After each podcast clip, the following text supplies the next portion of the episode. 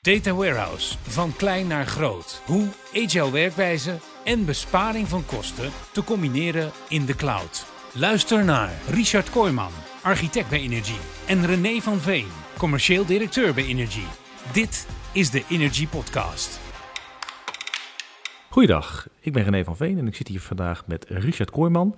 En we willen het hebben over uh, data warehouses en dan met name uh, over het verschil tussen vroeger, nog niet zo heel erg lang geleden, en nu. Uh, waar je vroeger inderdaad enorme projecten zag rondom data warehouse en iedereen eigenlijk al een beetje angstig werd op het moment dat iemand begon over een data warehouse, zei Richard laatst tegen mij, ja, maar dat kan tegenwoordig veel pragmatischer. Je kan veel kleiner beginnen en veel sneller tot resultaat komen. Dus ik ben benieuwd, Richard. Ja, nou dankjewel René, een goede introductie. Um, ja, inderdaad. Ik denk dat uh, vroeger uh, waren projecten nogal groot, uh, meeslepend als je kijkt naar data warehouse projecten. Um, en dat begon al vaak met de keuze van ETL-tools en databases. En met name die laatste is een belangrijke keuze in dat soort trajecten, omdat data warehouse databases vrij groot, zwaar en vooral ook kostbaar zijn.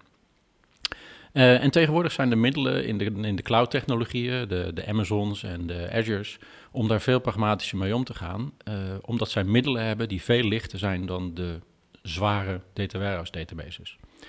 Uh, en dat stelt je in staat om veel kleiner, goedkoper en pragmatischer dus te gaan beginnen. Maar als jij zegt, Richard, je, je kan pragmatisch beginnen en je hoeft niet meer zoveel aandacht te besteden aan het kiezen van een database raak je niet heel veel functionaliteit kwijt als je, als je die hele stap overslaat? Nou, dat valt op zich wel mee, want je ziet ook een andere beweging in data projecten. En dat, uh, dat zit op het vlak van de BI-tools, die veel meer gericht zijn op het gebruik van extracts. Uh, dus denk bijvoorbeeld aan de Power BI's en de tableaus. Uh, om dat soort tools goed te kunnen gebruiken en, en prettig in, de, in, de, in het gebruik te laten zijn, heb je extracten van de data, data nodig, die je dus uit je data warehouse haalt. Uh, en dat maakt ook de rol van de data of de database technologie eigenlijk veel minder spannend. Je moet zorgen dat die data voor dat soort dashboards klaar staat. Um, en dat heeft ook zo'n zo consequenties voor de performance die je vraagt van zo'n database, want die kan vrij laag zijn, zolang je maar je extracten voor je BI-tools op tijd klaar hebt en gevuld. Um, en dan zit je, ja, dan, dan is de dashboarding tool is daarmee voorzien van data. De gebruiker kan ermee aan de slag. En de database wordt eigenlijk iets wat ergens, uh, ja, laten we zeggen, gedurende de nacht of op de achtergrond een rol speelt, maar veel minder belangrijk is dan vroeger. Waarbij je vaak hele zware relationele databases ging uh, gebruiken. En het nadeel van relationele databases is dat, dat daar een heleboel functionaliteit in zit. Die je voor dat soort omgevingen en die BI-tools en die dashboards en die extracts helemaal niet nodig hebt. maar daar betaal je wel voor. Ook bij de Amazons en Azure's. Uh, denk aan de Redshifts, uh, denk aan uh, Azure SQL Data Warehouse. Je betaalt eigenlijk voor functionaliteit waar je daarna eigenlijk niet zo, of daarmee eigenlijk niet zoveel doet. Um, denk aan transactionaliteit, denk aan consistency. En natuurlijk wil je dat soort dingen allemaal wel hebben. want uiteindelijk moet je data natuurlijk gewoon goed, volledig en juist zijn. Uh, maar dat kan je op een andere manier regelen met die tooling die de Azure's en Amazons uh, je bieden. Ik zie uh, vaak als ik met klanten praat dat ze eigenlijk beginnen met ik heb bepaalde behoefte aan een dashboard of bepaalde stuurinformatie. En dan wordt er vaak teruggeredeneerd naar wat heb ik daarvoor nodig. Waarbij je misschien een paar jaar geleden nog vanuit IT echt een, een, een data warehouse kon neerzetten. En daar kon je best een jaar of anderhalf jaar over doen. Maar als je nu zo'n vraag zou krijgen vanuit een bedrijf en die zegt van eigenlijk willen we, willen we snel starten, wat zou jouw advies dan zijn? Hoe zou je het oppakken om die uh, architect of uh, die mensen binnen IT te helpen? Want die krijgen uiteindelijk de vraag. En op het moment dat ze daar niet snel genoeg op ingaan, dan worden de Power BI dashboards gemaakt op basis van Excel-files waarvan de betrouwbaarheid ja, zeer beperkelijk is. Dus als er nou met zo'n vraag bij jou komen en je weet dat we wel snel in staat moeten zijn om iets van waarde te laten zien. Ehm, hoe, hoe, zou je dan nu in de nieuwe wereld gaan starten met het opbouwen van je, nou laten we toch maar even gewoon het data warehouse blijven noemen? Ja, dat is een hele goede vraag, want ik denk dat een heleboel dingen ook best onveranderd blijven. Uh, je zal nog steeds een model gaan maken van hoe je naar de wereld kijkt. En dat kan zo simpel zijn als ja, de sales, de retail sales, dat soort zaken. Uh, want je wil nog steeds een model hebben om je aan vast te houden, want je wil nog steeds data gaan integreren. Maar in de eerste aanpak kan het zijn dat je dus klein begint met één bron, je kassasysteem, zal ik maar zeggen, uh, als voorbeeld. Ehm, en daar bouw je dan wel een model op van hoe kijk ik naar mijn artikelen, hoe kijk ik naar mijn sales, hoe zijn kortingen daarin verrekend. Nou, dat soort zaken zijn allemaal van belang om goed erover te kunnen rapporteren. Maar die ene stroom, die ene bron, kan je dus op een vrij lichte manier in de Amazons en de Azures uh, laten verwerken. Uh, en dan denk ik eigenlijk eraan dat je naast het model om je houvast te bieden, dat is nog steeds van belang, Um, je begint met extractie van de bron en je gaat wel een soort modellering doen en je gaat toewerken naar die extracten die je nodig hebt voor je dashboards. En omdat het op één bron is gebaseerd, is de mate van integratie is vaak ook beperkt, want ja, je hoeft alleen binnen één bron data te integreren. Um, en dat maakt het een stuk eenvoudiger. En daarmee kan je dus ook makkelijker dat soort technologieën inzetten. Um, als je het nu hebt over dit soort technologieën, bij uh, de Amazon spreek je dan bijvoorbeeld over Athena. Eigenlijk plaats je data in zogenaamde blob storage. En bij de Azure uh, spreek je daar ook over. Je plaatst data in uh, blob storage. En dan zijn er middelen zoals Athena en bij Azure heet dat Azure Data Lake technologie, tools. om dat soort data dus uit te kunnen lezen. En daarmee uh, krijg je wel een soort SQL-interface. Dus je kunt wel vragen stellen op die data met SQL. Maar je kan daar uh, over het algemeen, en zeker in deze bij tools, je kan geen data joinen. En dat is vaak wel nodig als je kijkt naar de traditionele BI-tools, de reporting tools. Want die gaan uit van een dimensioneel model, of in ieder geval een model waarbij je weer je klantdimensies en je retail sales aan elkaar wil koppelen.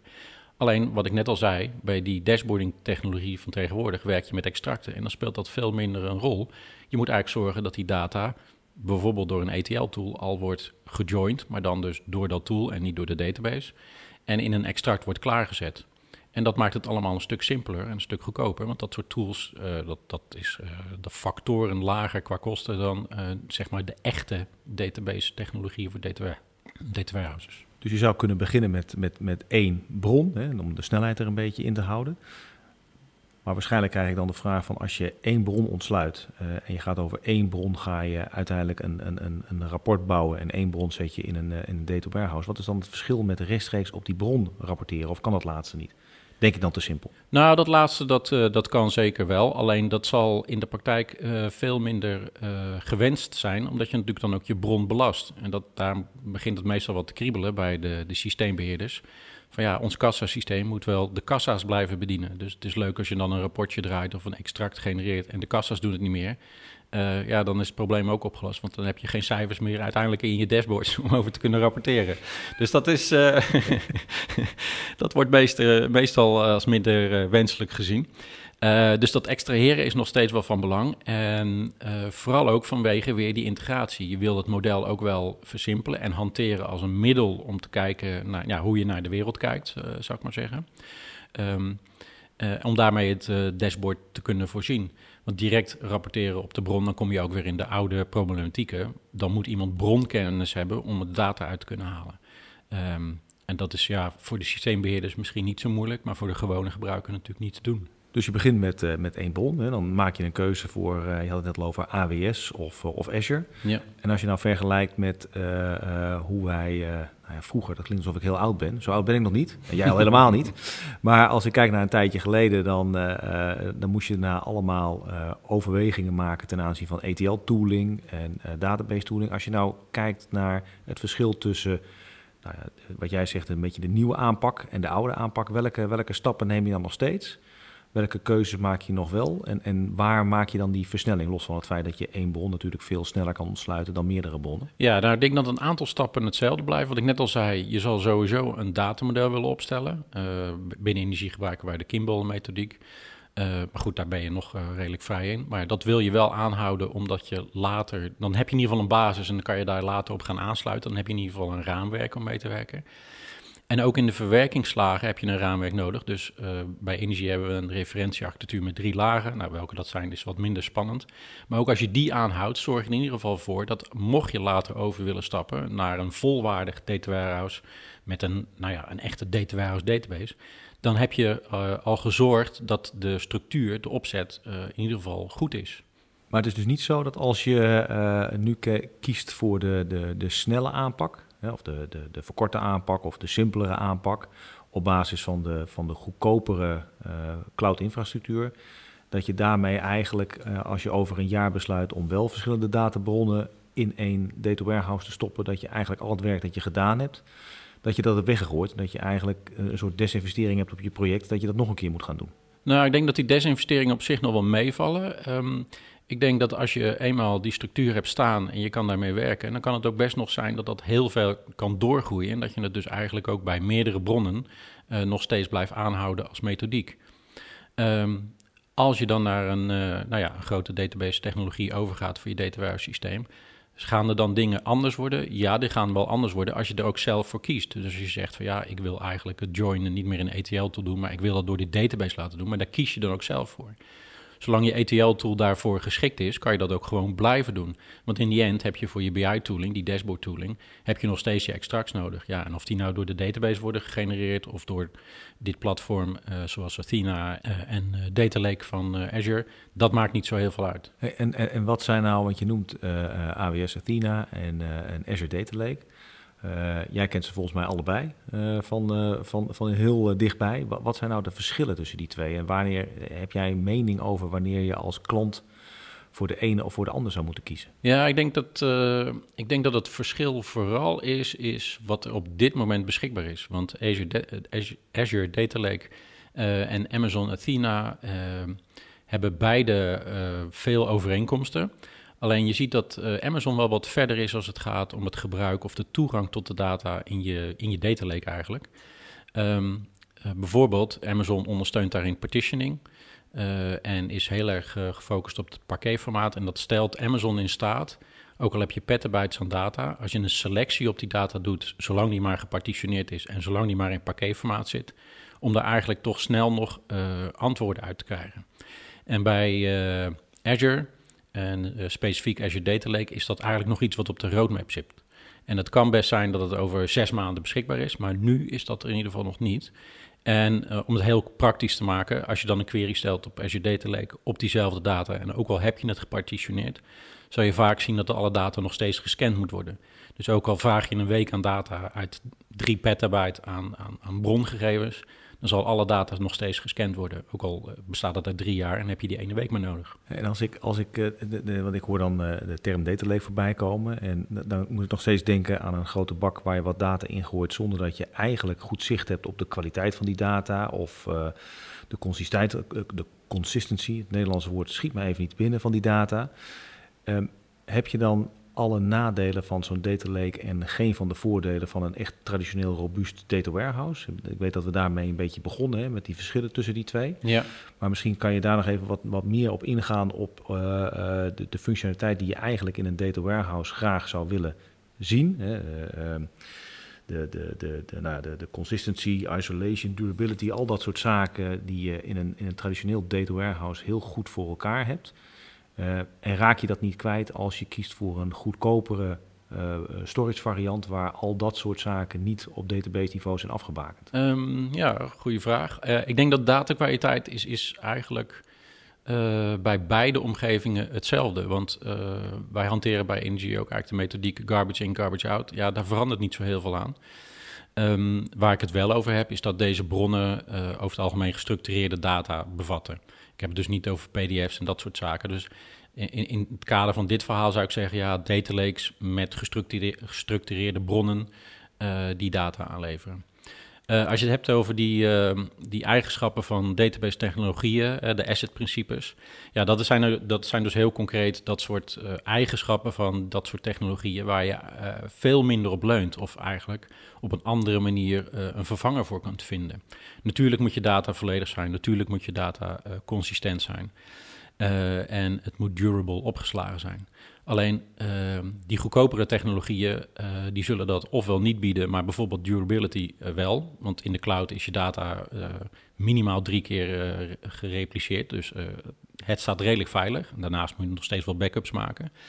En die andere eigenschappen zijn veel minder van belang, omdat je je ETL-tool daar voorzieningen voor kunt treffen. Je kunt zelf ervoor zorgen, de data is verwerkt of niet.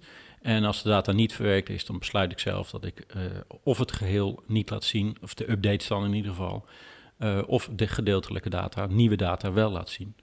Um, dus daar zijn allemaal middelen voor, zou ik maar zeggen. En als je nou kijkt naar, je, begint als klant, je kiest voor een, uh, voor een cloud platform.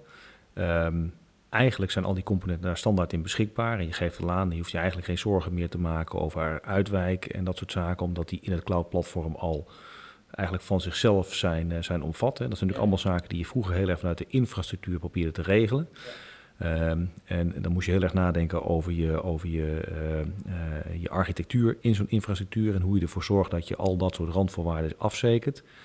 Als je nu kijkt, uh, en ik neem gewoon een, een, een, een instance bij AWS of, of Azure, wat is dan nog de architectuur die je als nou, partij zoals Energy, wat bieden wij daarin dan nog bovenop eigenlijk wat zo'n cloud provider biedt?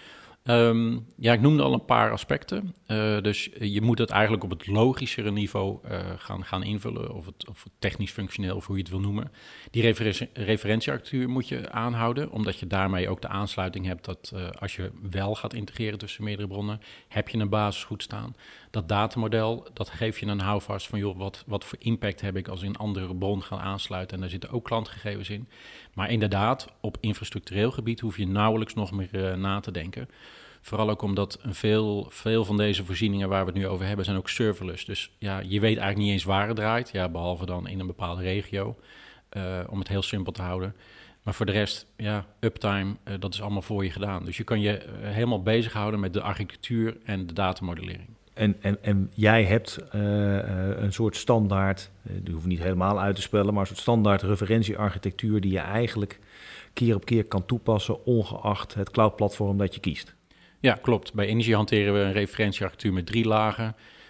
De data area, de business area en de information area. En dat zijn de drie lagen waarbij je eigenlijk kunt zeggen... ja, aan de ene kant, daar komt dus de data binnen. Data area is eigenlijk de data lake. Uh, de business area waar je veel meer over business entiteiten spreekt. De information area waar dat je de extracten laat landen voor je BI-tool. Dus daar, daar zit een soort uh, gelaagdheid in en die kan je toepassen ongeacht wat voor technologie je daaronder toepast. Of dat nou cloud technologie is of een on-premise database een simpele database of een hele dure database technologie. Dat maakt daar uh, uh, niks voor uit. Dus even helemaal terug naar het begin van het gesprek. Hè? Want we begonnen over uh, grote projecten tegen kleine projecten. Ja. Als je nou gewoon heel pragmatisch kijkt naar een klant die zo'n die zo'n verzoek heeft... en die hebben je wel van overtuigd dat een, het, bouwen van een, een, een, data warehouse of een data platform... in enige vorm een goed idee is. en als je nou kijkt naar een beetje de doorlooptijden van dat soort projecten... Wat zie jij dan, dus hoe, hoe, snel of hoe lang duurt het dan nog voordat je als je één bron ontsluit, voordat je die waarde kan laten zien aan zo'n klant? Um, het hangt natuurlijk wel een beetje af van wat, uh, waar de bron uit bestaat, want je zal nog steeds logica moeten hebben om, om voor de gebruikers korting op producten inzichtelijk te maken en noem maar op. Want dat, zit in de, de bron natuurlijk op een bepaalde manier bijvoorbeeld verweven en dat wil je er dan makkelijk uit kunnen laten halen. Uh, maar ik zou denken dat je in de regio van, van twee maanden zit. En dat zit dan vooral in een maand ontwerpen van eigenlijk je gegevensmodel. Van joh, hoe kijk je tegen de wereld? Hoe zit bij jullie de businesslogica in elkaar? En een maand implementatie ja, op het platform, whatever dat dan gaat worden. Um, en die eerste maand, ja, dat, die ben je eigenlijk altijd kwijt, ongeacht de technologie die je kiest. Omdat gewoon beide partijen moeten goed leren hoe, hoe de boel in elkaar steekt, hoe de, het bedrijf, de klant, tegen zijn, zijn data aankijkt en hoe die het ook weer terug wil zien. We hebben het een beetje gehad over de duur. We hebben het ook al gehad, je raakte het al, dat op het moment dat je kiest voor de, de, de data lake component of Athena en de blob storage en de S3 storage, dat je structureel lagere kosten hebt als dat je zou hebben in een traditioneel data warehouse, ook als je dat traditionele data warehouse met een relationele database uit de cloud zou trekken. Hè? Ja, ja, ja. Um, en dat je daar prima mee kan beginnen. Ja. Uh, je hebt nog even aangegeven de, dat, dat je nog steeds uh, moet data modelleren. Dat je nog steeds moet nadenken over je architectuur. Uh, zijn er nog zaken die wij vergeten zijn in, in dit korte gesprek, waar we nog wel even bij moeten stilstaan om een volledig beeld te schetsen? Um, nee, niet dat ik me zo kan bedenken eigenlijk. Volgens mij hebben we alles wel geraakt. Nou, Richard, dan, uh, ik, vind het, ik vond het heel verhelderend. Zelfs voor mij. En uh, ik ben wat minder technisch uh, dan jij bent. ja, dankjewel. Graag gedaan. Energy. We improve performance.